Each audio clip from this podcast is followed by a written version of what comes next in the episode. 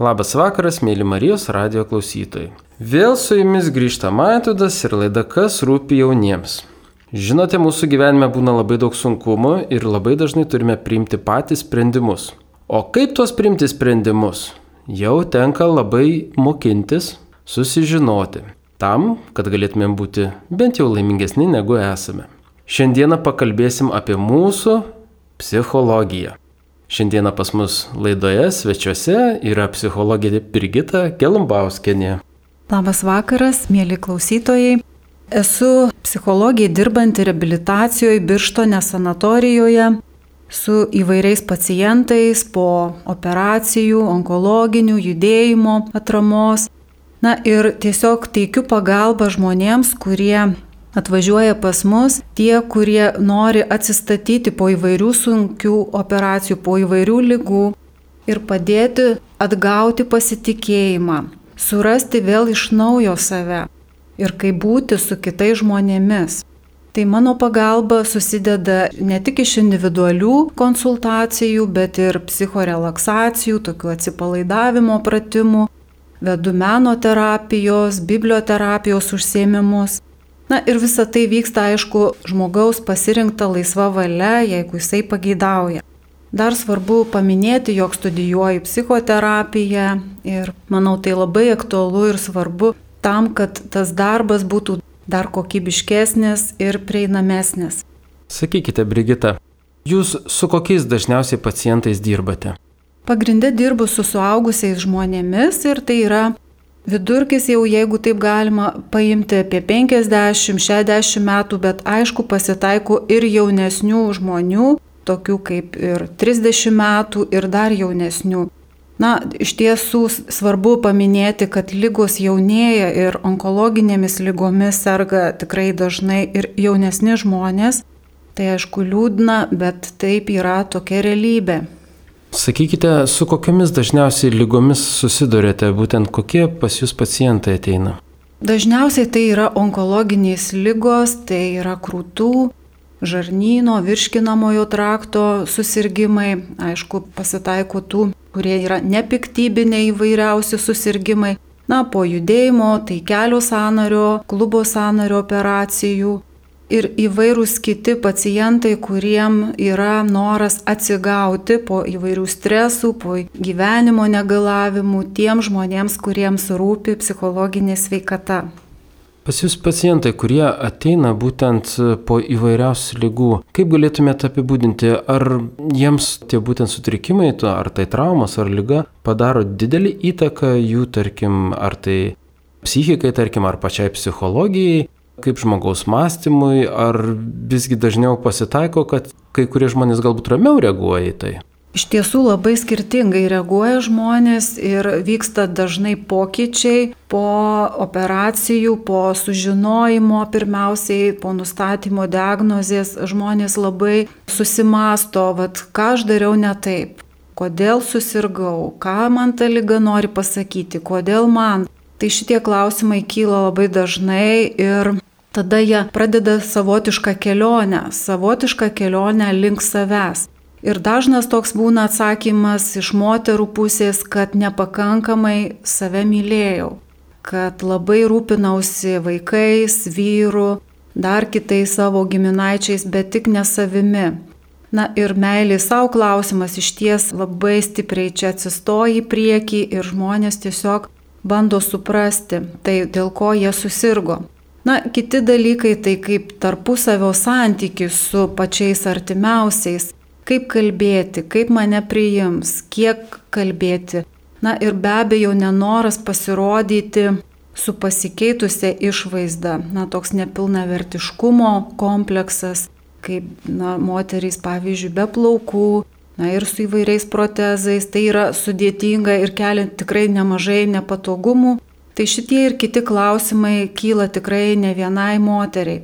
Be abejo, vyrams, kurie yra po operacijų, kurie jau negali būti tokie pajėgus darbe, namuose, jie taip pat susiduria su daugeliu psichologinių sunkumų, negalėjimu pasirūpinti, atlikti įvairius ūkio darbus, tai jiems taip pat yra, manau, labai jautru ir skaudu, tai yra sunki tema.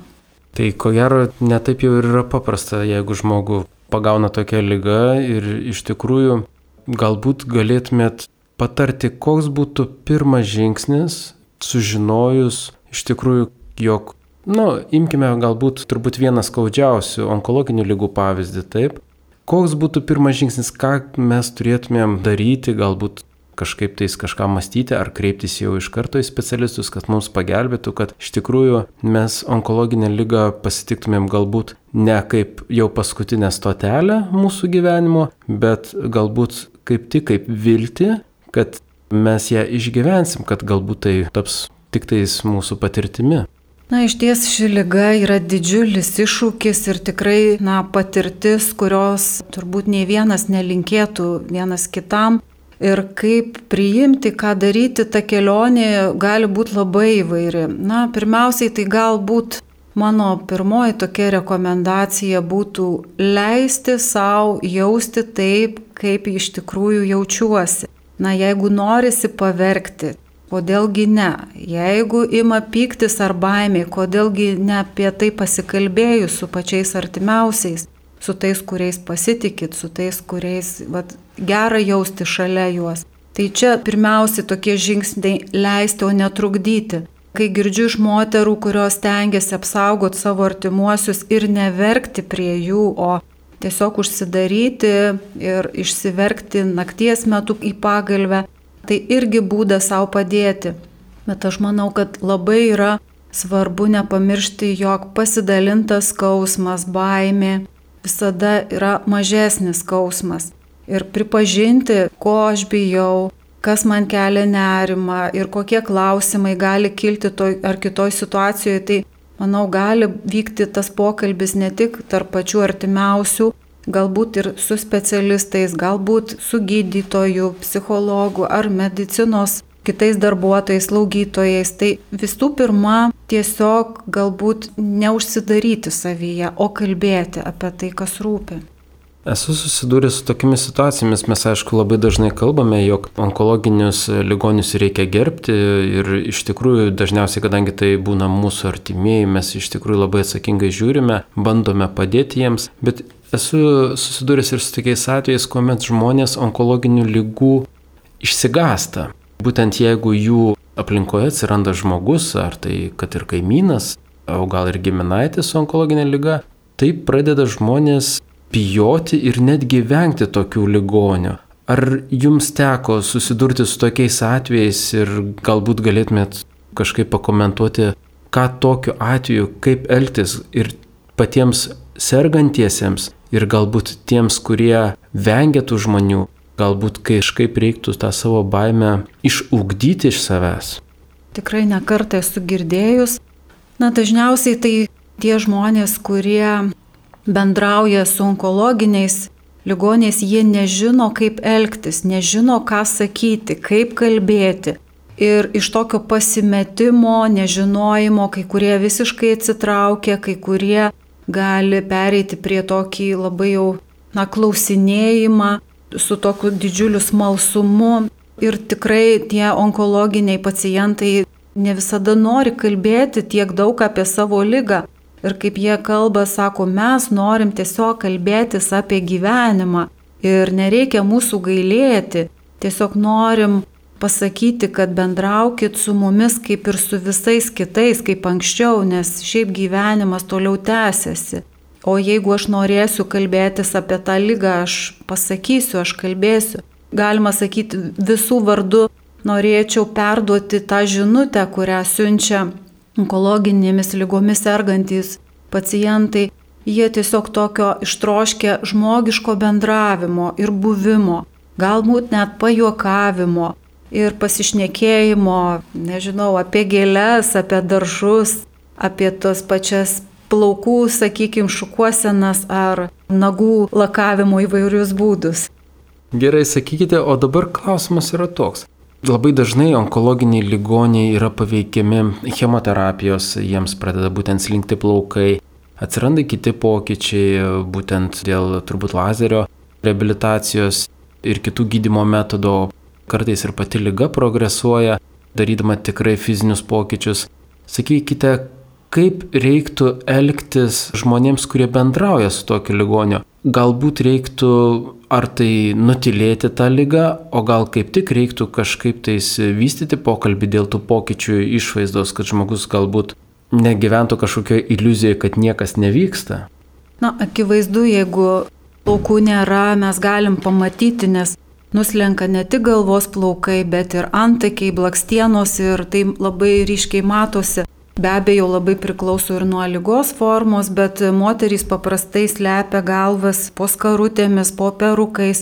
Ir vėlgi labai individualu, kai kurios moterys nori apie tai kalbėtis, o kai kurios ne. Ir čia turbūt labai priklauso nuo to, kaip pašnekovas kreipiasi, kokius klausimus užduoda, su gailėščiu žiūri ar kamantinėja, nes Visa tai irgi labai priklauso ne tik nuo pačio pašnekovo, galbūt net ir nuo pačios moters, kuri neteko plaukų.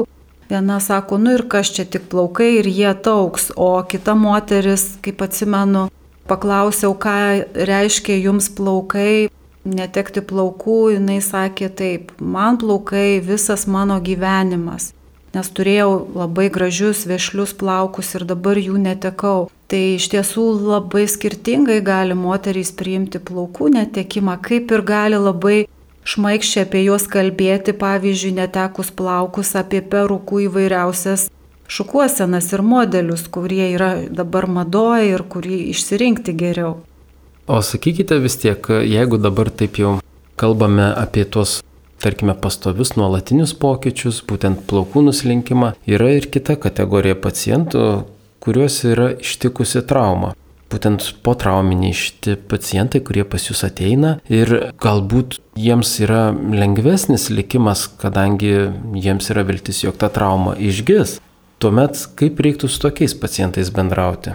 Be abejo, traumos tai yra ir nudegimai, vad dar nepaminėjau, pas mus atvažiuoja ir po nudegimų žmonės iš ties išgyvena stiprius, na sakykime, ne tik pasikeitus odai, bet ir skauda visgi, kai tos nudegusios vietos randėja ir tenka išgyventi didžiulį diskomfortą. Ir ne tik dėl to patiriamo maudimo, bet pavyzdžiui, saulės vengti vasaros metu negalima, tiesiog būti saulėje.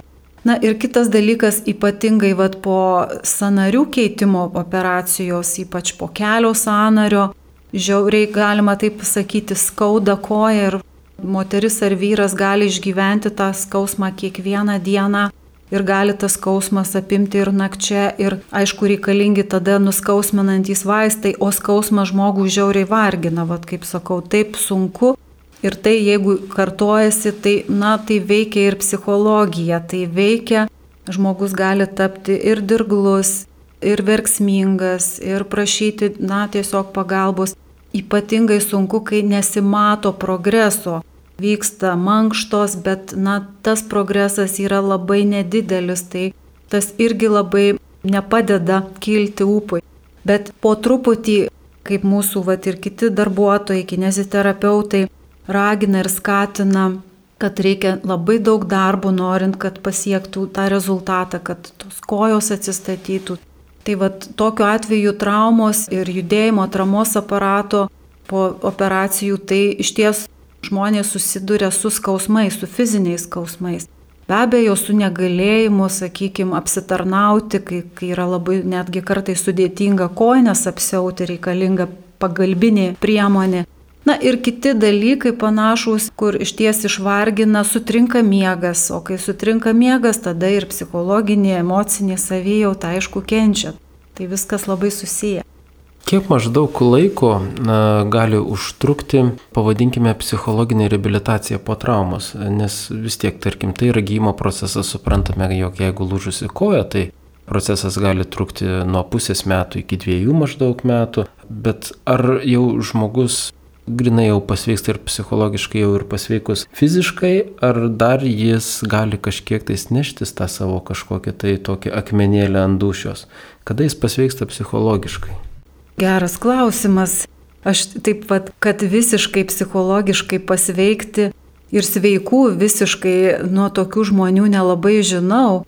Mes visi esam savotiškai daugiau mažiau sužeisti tos fizinės traumos jos žaidžia ir emociškai yra sunku, bet iš praktikos galiu pasakyti, žaidžia labiau gal ne fizinės traumos, bet psichologinės traumos, nuo kurių pagyti iš ties reikia tikrai nemažai laiko.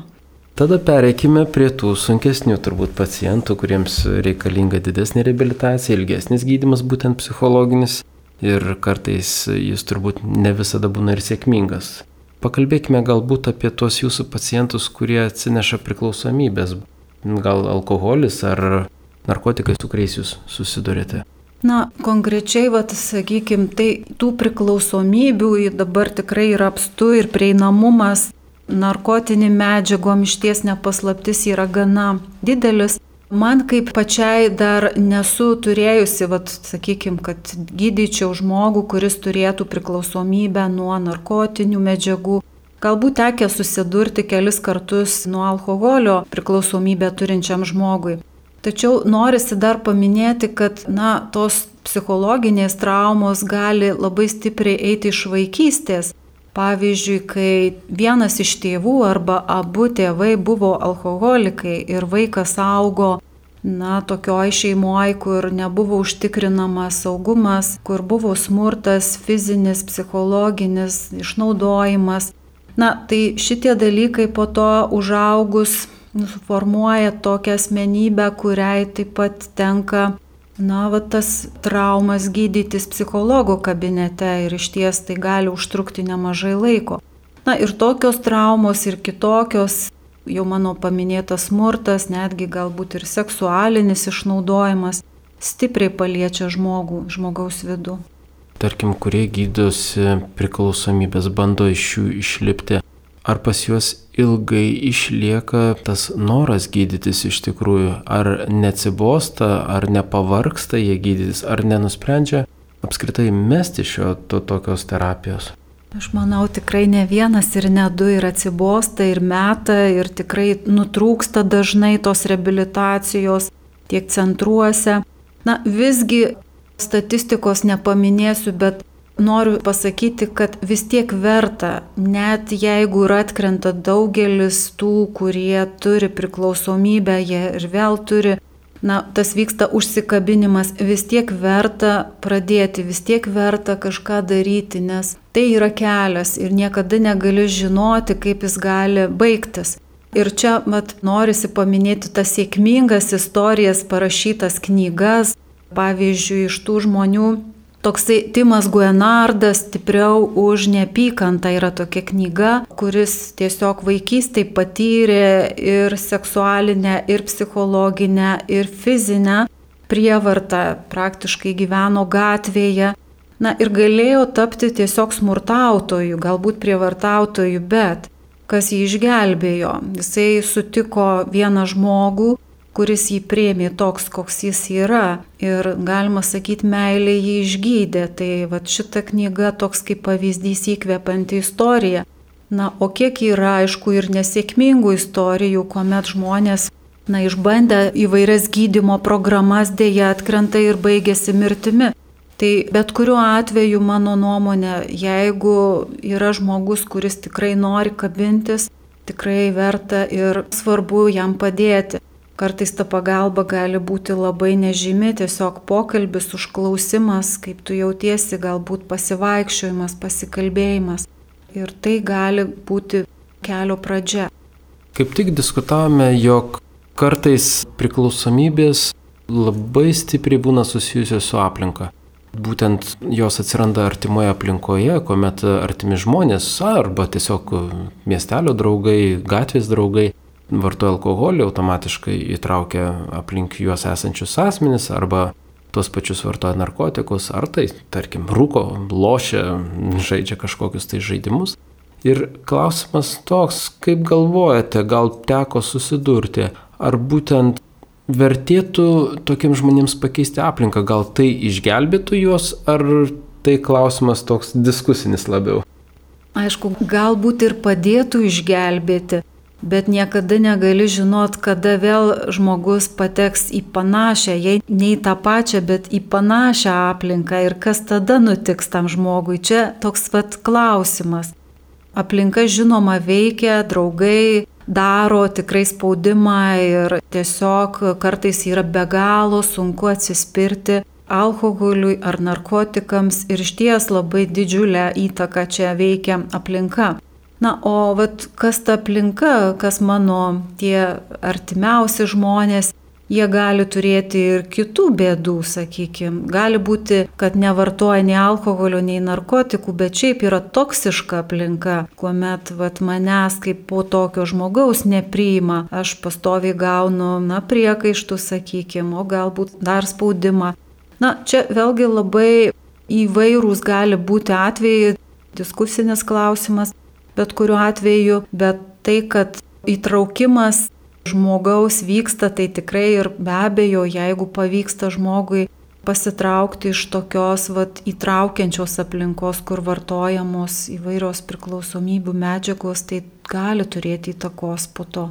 Bet čia greičiausiai aš galvoju, kad pirmiausiai žmogaus vidus, kol jisai nėra išgyjęs, sustiprėjęs, tol kiekvienoje aplinkoje galima surasti vos ne to alkoholio ir gal taip ne kiekvienoje, bet tikrai, jeigu ieškosi, tikrai rasi. Tai vad pirmiausiai aš galvočiau eiti ir ieškoti tos vat, pagalbos, kad padėti savo išties pasveikti, dėl ko iš vis pradėjo žmogus gerti, vartoti narkotikų, kame buvo ta šaknis.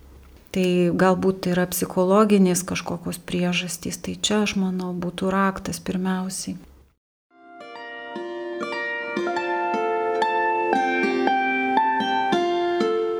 Jūs girdite Marijos radiją.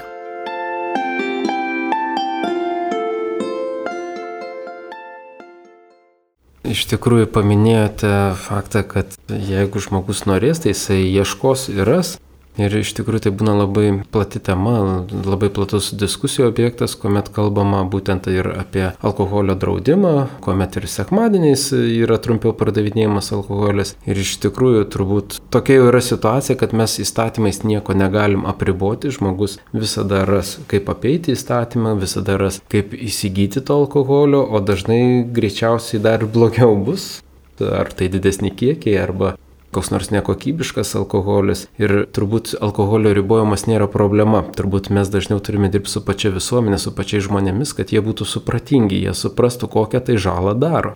Ir ko gero viena dažniausių žalų, kurią būtent patiria galbūt ne tai, kad patys alkoholį vartojantys žmonės ar tai narkotikus vartojantys žmonės, bet būtent jų artimasis ratas, jų šeima, turbūt yra tas va didžiausias nuostolis, kuomet jie praranda pakankamai veiksnų žmogų, kuris galbūt galėtų padėti ūkiją, galėtų padėti ar tai, tarkim, vaikams pamokas ruošti, galėtų padėti būtyje, tačiau jis būtent per priklausomybės yra kitur tuo momentu, o grįžęs jau nebegali nieko padėti. Ir tada mes susidurėm va, su ta problema, tai ko gero viena tokia išdava alkoholio skirybos.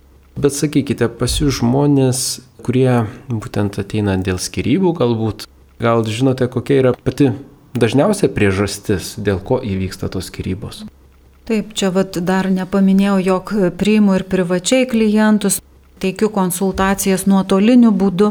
Ir iš ties pasitaiko žmonių, kurie kreipiasi ištikti santykių krizės, Ir dėl ko vyksta skirybos, aišku, kad jos vyksta dėl įvairiausių priežasčių ir alkoholis ir gali būti viena iš jų. Bet aš galvoju, kad visgi alkoholizmas tai yra jau pasiekmė to, kas prieš tai, na, psichologinių kažkokių tai problemų, nes galima sakyti, paprastai alkoholiu žmogus tengiasi nuskandinti tam tikras emocijas. Čia nepaslaptis jau tikrai ir tai yra sunku įveikti šitą vat, gebėjimą, kaip išmokti reikšti tas emocijas, kaip jas neskandinti. Ir iš ties labai sunku būna išbūti kai kuriuose emocijose, pavyzdžiui, savo nusivylime, skausme, liūdėsi ir vat alkoholis tai padeda. Na tai trumpas, labai greitas kelias, bet be abejo baigėsi alkoholio poveikis ir tampa, kaip žinot, dar blogiau po to tos vadinamos pagirios. Tai vėlgi sunku pasakyti, dėl ko priežasčių skyryboms yra labai įvairių. Na, tokie paprasčiausi dalykai nesusikalbėjimas, jeigu taip, ir neišklausimas. Kitas dalykas - poreikiai. Vat mes visi turim savo poreikių. Vyras ir moteris turi savo poreikių, vaikai turi savo poreikių. Nes tekia irgi skaityti tokią knygą Jo norai, jos norai, vat, apie poreikius pagrindinius. Tai praktiškai žmonės na, susitokia tikėdamėsi, kad jų poreikiai bus patenkinti. Ir kai tie poreikiai nėra tenkinami, tada atsiranda na, nusivylimas. Tikrai taip. Iš tikrųjų, aš esu pats susidūręs artimam gana rate, kuomet buvo šeiminė situacija labai sudėtinga, kuomet tiesiog vyras su moterim nesutarė ir vyras tiesiog pradėjo gerti alkoholį vien tam, kad jam būtų lengviau. Ir iš tikrųjų visada išlieka tas amžinas klausimas, o kas yra geriau, ar visgi, tarkim, tokiu atveju žmonėms išsiskirstyti nes jau galbūt jau jie nebesugeba vienas su kitu sugyventi, galbūt tai buvo netgi ankstesnė klaida padaryta, kuomet galbūt ta pažintis buvo labiau turbūt seksualinė negu kad emocinė. Ir iš tikrųjų labai sudėtinga situacija, nes kaip ir žmogus galėtų gyventi, jisai nuostabus žmogus, bet jis nebegali gyventi jau tokiam pasauliu, jam yra per sudėtinga šeimoje. Kaip reiktų, tarkime, šitoje situacijoje elgtis Aš dažniausiai sakau, kad skirybos nebūna dėl vieno žmogaus, dažniausiai būna dėl dviejų. Mes vis tiek vienaip ar kitaip šeimuose mes visi naudojame psichologinį smurtą, bet kuriu atveju. Ir vyrai, ir moteris kažkaip tais vienas kitą spaudžiam. Ir gali būti, kad kartais perspaudžiam ir būtent mes ateinam į tos situacijos, kuomet santykiai iš tikrųjų pradeda birėti ką daryti, jeigu taip va šeimoje iš tikrųjų žmogus pradeda skandinti ta, tas va savo emocijas, galbūt netgi ne emocijas, o savo santykius alkoholėje vien tam, nes jis jau nebepakenčia tų santykių. Kaip tokią problemą išspręsti? Vėlgi sunku atsakyti į šitą klausimą, nes jeigu tai jau yra alkoholizmas kaip lyga, tai jau sunku padėti ir žmonai ar vyrui, sakykime, nesvarbu, kuri pusė turėtų šitą bėdą kol dar tai neįsivažiavę ir tai linkstama prie to, na be abejo, kad svarbu būtų apie tuos matomus pasikeitimus kalbėtis. Kas vyksta tarp mūsų? Kaip tu jautiesi? Liūdna, skaudu, baisu, neramu, dar kažkas, nusivyliau. Visa tai atsiranda ne taip greitai, bet po truputį. Pereinama prie alkoholizmo, sakykim, tai neatsiranda per vieną dieną. Na, kitas momentas, kai kada yra sunku suprasti net ir pačius artimiausius žmonės, arba tai yra, na, giminės paveldimumo klausimas. Tai yra tiesiog, va, tokiu būdu žmonės kitaip ir nesupranta, kaip atsipalaiduoti, praleisti, pavyzdžiui, savaitgalį, kaip be alkoholio. Kitaip neįmanoma, nes tai darė ir tėvai, ir seneliai. Tai yra tam tikros ir linijos, galima sakyti. Tai vienas tokių kaip nėra vieno tokio vienareikšmiško atsakymo. Aišku, jau tikrai yra ne viena istorija, kur poros ir išsiskiria, kurios bando dar, kaip sakyt, statyti, atstatyti, bet labai yra individualu ir aišku, šiuo atveju, jeigu jau yra priklausomybė reikalingas pagalba ir medicamentinė pagalba ir ne tik, ir psichologinė žinoma. Na, po skirybų dažniausiai rezultatas būna aiškus ir tada jums klausimas. Ar dažnai tenka susidurti su mm, žmonėmis, kurie galbūt jaučia kažkokį vienatvės graužutį? Po skirybų tai tikrai tekia ne vieną ir ne du žmonės konsultuoti. Labai opus klausimas yra pasitikėjimas savim savivertės klausimas. Nes jeigu mane paliko, nebūtinai dėl alkoholio ten vyko tos skirybos, bet stipriai labai nukenčia savivertė pasitikėjimas savim kaip vyru, kaip moterim. Ir kad ją atstatyti iš ties prireikia kartais ne vienerių metų. Nors yra tos pagalbos grupės, savipagalbos išsiskyrusiems, bet visa tas gyjimas, nes skirybos yra prilyginamos netikčiai. Tai yra stiprus psichologinis tikrai sukrėtimas ir atsigauti iš ties reikia nemažai laiko, net nepaisant dėl to, kad buvo na, sėkminga šeima pora, bet gali būti, kad tai nebuvo labai laiminga ir vis tiek gali būti po to išsiskyrus tikrai nelengva. Tai nepriklauso skausmas nuo kokia buvo šeimoje laimė. Tai vėlgi kitais atžvilgiais, kaip pavyzdžiui patiriamas psichologinis ar fizinis smurtas, kur iš tiesų jau gyventi yra nebeįmanoma, skyrybos gali išlaisvinti. Ir žmogus gali atsipūsti po to teroro, sakykime, tikrai tenka konsultuoti moteris, kurios yra patyrę daug metų įvairios rūšies smurtą, tai tiesiog sako, aš pagaliau, sako, va, išlaisvėjau.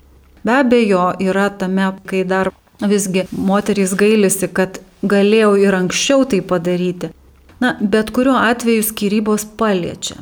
Nors ir įvyksta išlaisvėjimas, bet vis tiek tai yra, na, ganėtinai skaudus momentas ir kiekvienu atveju jis individualus. Ar yra tekę būtent dėl šeimininio teroro konsultuoti vyrus? O, geras klausimas, taip. Dabar nepamenu tikrai, ar teko tokio, bet Na, vyrai, tai jie daugiau turbūt, kiek pas mane vat kalbėjo, tai apie psichologinį smurtą, terorą iš moterų patiria. Manipulacijas ir kad vis negali niekaip moteriai savo įtikti, vis negerai ir negerai.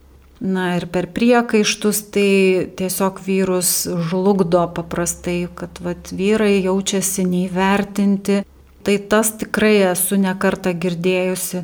Yra ir kitų, galbūt kai moterys smurtauja fiziškai prieš vyrus ir pakelia, bet tai jau vyksta ne tik tai moters, bet ir vyru. Nu, tiesiog, taip sakant, vyksta mušimasis, muštynės šeimoje. Kokio lygio čia vėl kiti klausimai, bet yra tekę, nu, jeigu bartis, tai ir kautis, kaip dzukai sako, tai vyksta net ir kautinė šeimoje. Nes yra tokių gana kovingų moterų, kurios nenusileidžia o gal net ir pradeda. Tikėkime, kad tokių šeimų yra bent jau bus ateityje kuo mažiau. Ir reikės mažiau ir mūsų policininkams važinėti į konfliktų artimoje aplinkoje ir mažiau vežioti pirmin atgal visus. Nes tenka pastebėti, jog tose šeimose, kur vyksta nuolatinis kivirčas ir fizinis toks kontaktas, tai šeimos dažniausiai po policijos atvykimo jau kitą dieną susitaiko vėl, taip sakant, išgeria taikos butelį ir jau po kokių 3-4 dienų vėl tenka važiuoti pas juos, vėl problema, vėl viens kito nemyli. Na nu ir taip iki įsiblaivo, tada vėl prasideda meilė. Pakalbėkime dar apie vieną vienatvę. Girdėjau, jog dirbate sidabrinėje linijoje. Taip, sidabrinėje linijoje jau galbūt apie pusantrų daugiau metų, kuomet buvo karantinai, COVID, tiesiog darbo taip ženkliai sumažėjo ir nusprendžiau, kad noriu savo laiką padovanoti kitam. Na ir visada jaučiau simpatiją seniems žmonėms, senyvo amžiaus žmonėms, kadangi turėjau močiutę, kuri mane labai mylėjo ir va tos meilės genama aš parašiau į sidabrinę liniją laišką, jog aš noriu būti savanori. Mane priėmė, teko praeiti mokymus Ir dabar, va taip jau apie pusantrų, gal daugiau metų, aš bendrauju su senoliu. Ir mes kas savaitę pradžiai, dabar kas dvi savaitės tiesiog turim tokius pasikalbėjimus. Tai reiškia, aš kalbuosi ne kaip psichologė, nekonsultuoju, bet tiesiog kaip žmogus, kaip pašnekovė esu. Ir šis toks prasmingas pokalbis gali praskaidrinti tikrai ne vieno žmogaus, kuris va, dirba taip pat čia, kiti savanoriai, kurie dirba su daugeliu kitų senolių, praskraidina tą na, vienatvę.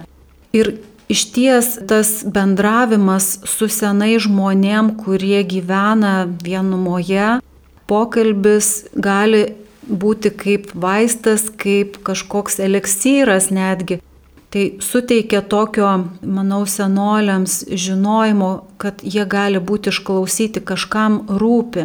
Tai čia aš manau vienas iš tokių momentų. Tai tiesiog kas jaučiasi vienišas ar vieniša, tiesiog kviečiu paskambinti į sidabrinę liniją, kur tiesiog, galima sakyti taip, kaip kalbėjom, suporuos jūs su savanoriu ir vyksta tas parinkimas pagal jūsų pageidavimą, ar tai vyras, ar tai moteris, kokiam temom jums svarbu kalbėtis. Tai visgi yra tų savanorių ir jaunesnio, ir vyresnio amžiaus tikrai pasirinkimas nemenkas ir manau, kad su laiku jau jų dar tik tai daugės ir daugės. Tai, tai va čia toksai padrasinimas būtų. Nu, nuostabu, visada galima susirasti draugų. Labai dažnai e, iš tikrųjų kalbame, būtent bažnyčioje kalbame apie bendrystę, kalbame apie įvairias bendruomenės susikūrusias įvairiose gyvenvietėse, kalbame apie saugią kaiminystę, kalbame visą laiką apie bendravimą. Ir iš tikrųjų, ko gero pats geriausias vaistas yra bet kokioje lygoje ir nuo vienišumo, ko gero bendravimas su kitu žmogum. Visada mus papildo kitas žmogus.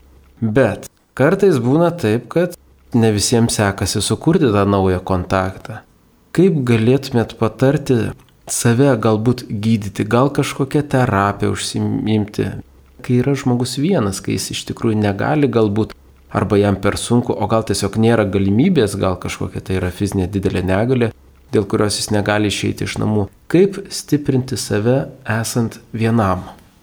Galima stiprinti turbūt labai ir kas iš vis tada klausimas yra stiprybė, ką reiškia būti stipriu, nes galiu gulėti lovui, nepajėgti vaikščioti, bet jausti stipriu ta stiprybė gali būti labai įvairi ir kiti žmonės vat, paskutinėmis savo gyvenimo akimirkomis gali knygas parašyti, ką esu girdėjusi. Tai vat, kame ta stiprybė?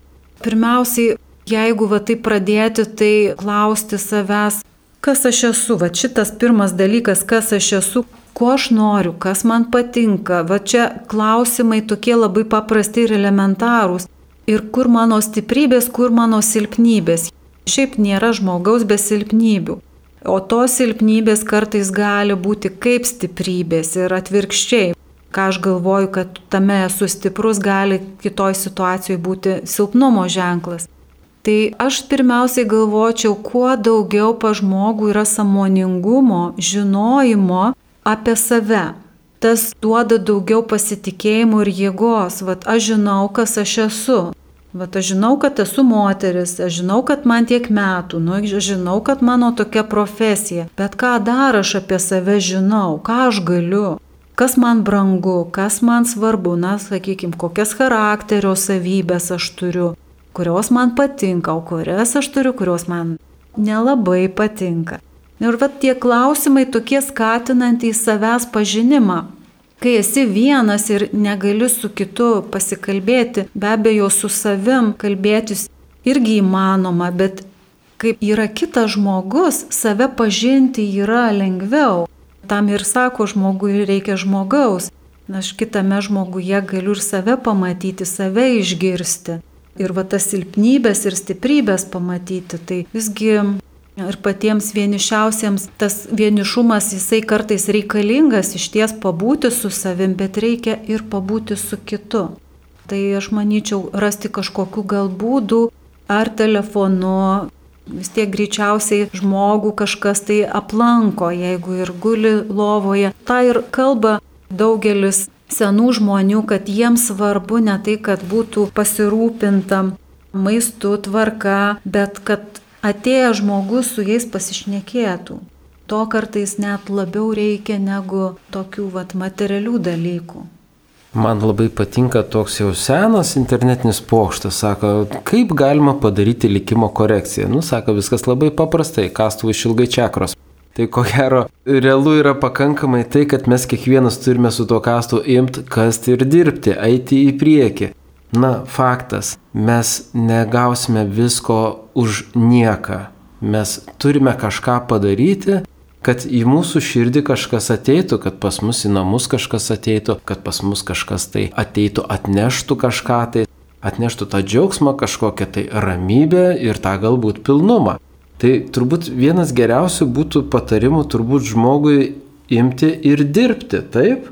Ir ko gero eiti į žmonės, ar ne? Labai gerai, man vidai pasakėt, kad labai svarbu eiti, o jei negaliu eiti, tai tie, kurie ateina, susimastyti, o ką aš jiems pats arba pati duodu. Jeigu aš tikiuosi, kad mane priims ir mylės besąlygiškai, tai tada o kiek aš įdedu meilės ir prieimimo, kiek aš priimu tą žmogų, kuris pas mane ateina o kiek aš galbūt turiu jam priekaištų, kad jis netaip ten pavalė, netaip pagamino, dar kažką padarė. Tai va čia klausimas, kaip aš pati ar pats elgiuosi su tuo, kuris pas mane ateina. Kitas dalykas, galbūt aš turiu daug pykčio savyje, kuris man neleidžia tai meliai pasirodyti. Tai vad galbūt apie savo pyktį, baimę, liūdėsi verta būtų irgi pasikalbėti, nes šiaip tai nėra blogų emocijų, nėra tik netinkami būdai joms reikšti. Apie pyktį, liūdėsi, skausmą galima kalbėti. Tiesiog tik tai aišku su tuo žmogum, su kuriuo jums norisi kalbėti kuris išgirstų, kuris išklausytų. O tokių žmonių, jeigu ieškosit, aš manau, visada atsiras. Tik tai reikėtų pabandyti išeiti iš tos dėžutės, galima sakyti, ir tikrai jų atsiras. Aš labai dažnai visiems pabrėžiu, kad mes turime didįjį Dievo įsakymą mylėti savo artimą kaip save patį, bet mes jį visada pamirštame, nes žinome, kad reikia dalintis meilę visur eiti, bet pamirštame, kad reikia mylėti ir save patį. Tai kiek mes papuošim save, tokie mes papuošti būsim kitiems žmonėms. Jeigu mes save iš tikrųjų žlugdysim, gniuždysim, save padarysim galbūt auka, galbūt net netyčia tai gausis. Jeigu mes kiekvieną žmogų priimsime su dideliu skausmu, iš tikrųjų žmonėms gal ir nelabai norėsis prie mūsų būti. Na štai, mūsų laida jau priartėjo prie pabaigos, tai norėčiau, kad jūs, Brikita, mūsų klausytojams tradiciškai išsakytumėt palinkėjimą.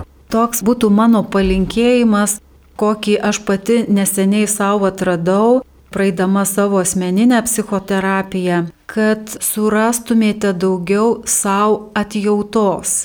Man patinka šitas žodis - atjauta savo, kuris, manau, į meilę labai sueina. Kuo atjautos savo daugiau, tuo atjautos ir kitam daugiau bus. Labai didelis dėkui. Kągi, mėly klausytojai, šiandien laidoje pas mus buvo psichologė Brikita Gelambauskine.